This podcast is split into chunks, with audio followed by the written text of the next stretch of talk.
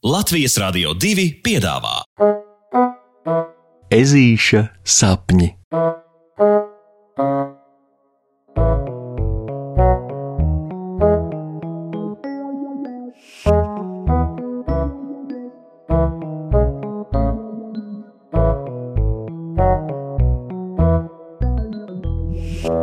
Ezītis glabā noslēpumu.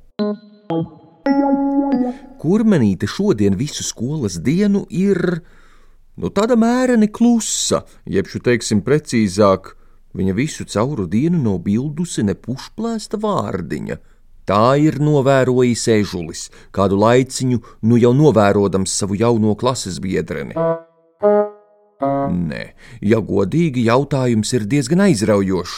Kāpēc gan Džozefera klusē? Jo neizskatās, ka viņa klusētu tāpēc, ka ir sabēdājusies vai sadusmojusies, vai kā tam līdzīgi, gluži otrādi. Viņa izskatās priecīga un teju vai iedvesmota. To apliecina arī mazais smīniņš, kurš vīd pār kurmenītes saknieptajām lūpiņām. Puksītis jau zina, ka brīžos, kad viņam radies kāds jautājums, taisnākais ceļš pie atbildes ir to vienkārši uzdot. Tāpēc daudz riņķī un apkārt nedomādams, starpbrīdī ežulis lēkšo pie kurmenītes un sāk tā uzmanīgi.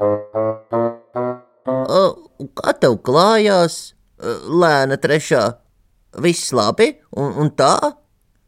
Puksītim pašam šķiet, ka viņa uzdotie jautājumi ir ārkārtīgi vienkārši, bet hm, tā vietā, lai uz tiem saņemtu arī vienkāršu atbildi, kurmenīte sajūsmas pilnām actiņām turpina klusēt un novelk ar pirkstiem pār lūpām, parādot, ka tās ir aizslēgtas.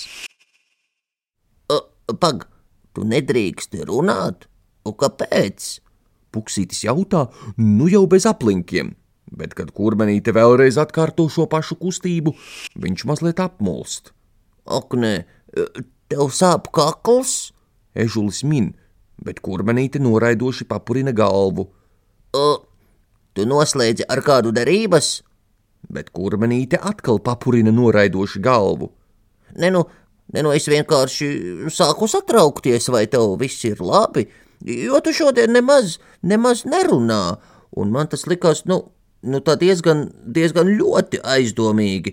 Nē, nu, bet ja reiz tu negribi ar mani runāt, tad arī viss kārtībā. Es nemaz neļaunojos. Tā arī var gadīties. Puksītis pabeidz savu sakāmo un jūt, ka vispār jau viņam tomēr mazliet Džozefers lēnas trešās klusēšana kremt. Bet tieši brīdī, kad ežulis griežas uz promiešanu, Džozefera pēkšņi paķer puksīti aiz rokas un ievelk klases stūrī aiz lielās palmas.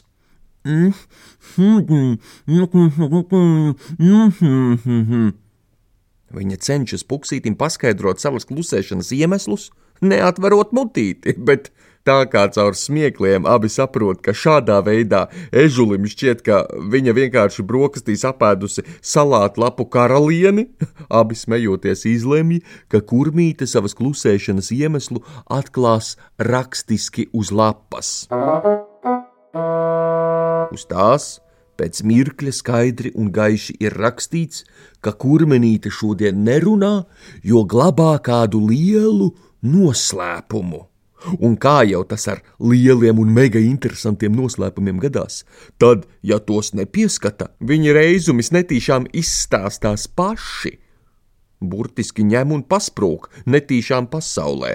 Tāpēc, lai tas tā nenotiktu, kurmenīte ar gudru ziņu šodien muti tur ciet.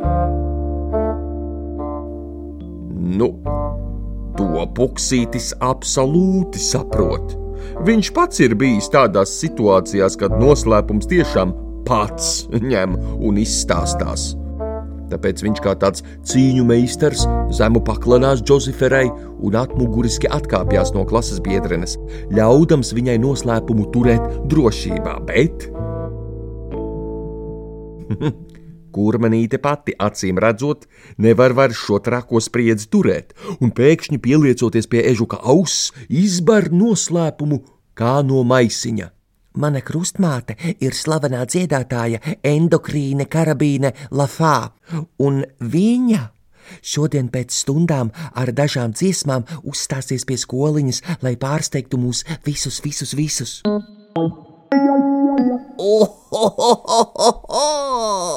Ežulim izsprūg pa visu klasi. Viņš ļoti labi zina, kas ir endokrīne karabīne lafā. Puksītim pat ir viņas plakāts istabā pie sienas, aiz skapja gan, lai citi neredz, bet ir. Un apjautis, ka šis tiešām ir milzīgs noslēpums, kuru glabāt, arī puksītis nu parāda Džozeferai aizslēgtās mutes žestu un nebilst vairs ne vārda. Puksīt, kas par lietu, par ko tu tā sapriecājies? Pēkšņi nez no kurienes aiz puksīša muguras parādās Rokijs un nu mēmi kā biezpienas atcepuma pilnus vaigus piestūmušies. Rokijam kaut ko ar žestiem stāsta, kā ežulis tā kurmīte. Necik ilgs laiks gan nepaiet, līdz Rokijs ir jau trešais noslēpuma turētājs. Pēc nākamās stundas, kurā trijotne nav bildus ne pušplēsta vārdiņa, aizdomīgi paliek arī Pauls, Boliņš un Matilde un tā kā Matilde nesaņēmusi atbildi, pamatīgi uzmet uzreiz lūpu. Tad nekas cits trijotnē neatliek, kā padalīties noslēpumā arī ar Boliņu, Paulu un Matildi. Lieki piebilst, ka arī Žoržs izrādās visu ir noklausījies un nu svinīgi solās tāpat turēt muti ciet.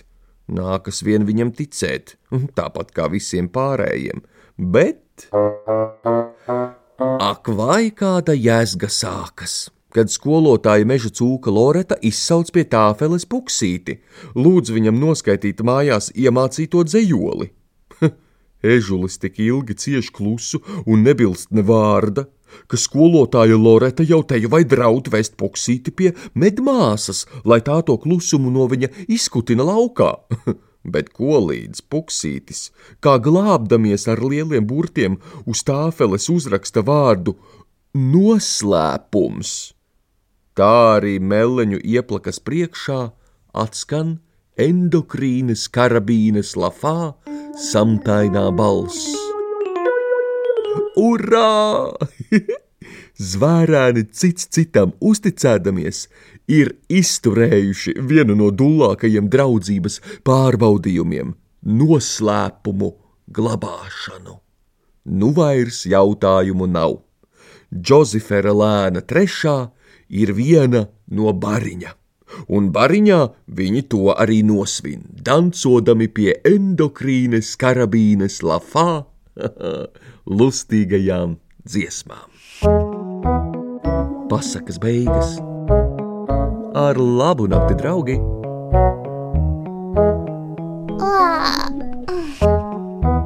Saldus tev sapnīšus! Tiksimies rītdien!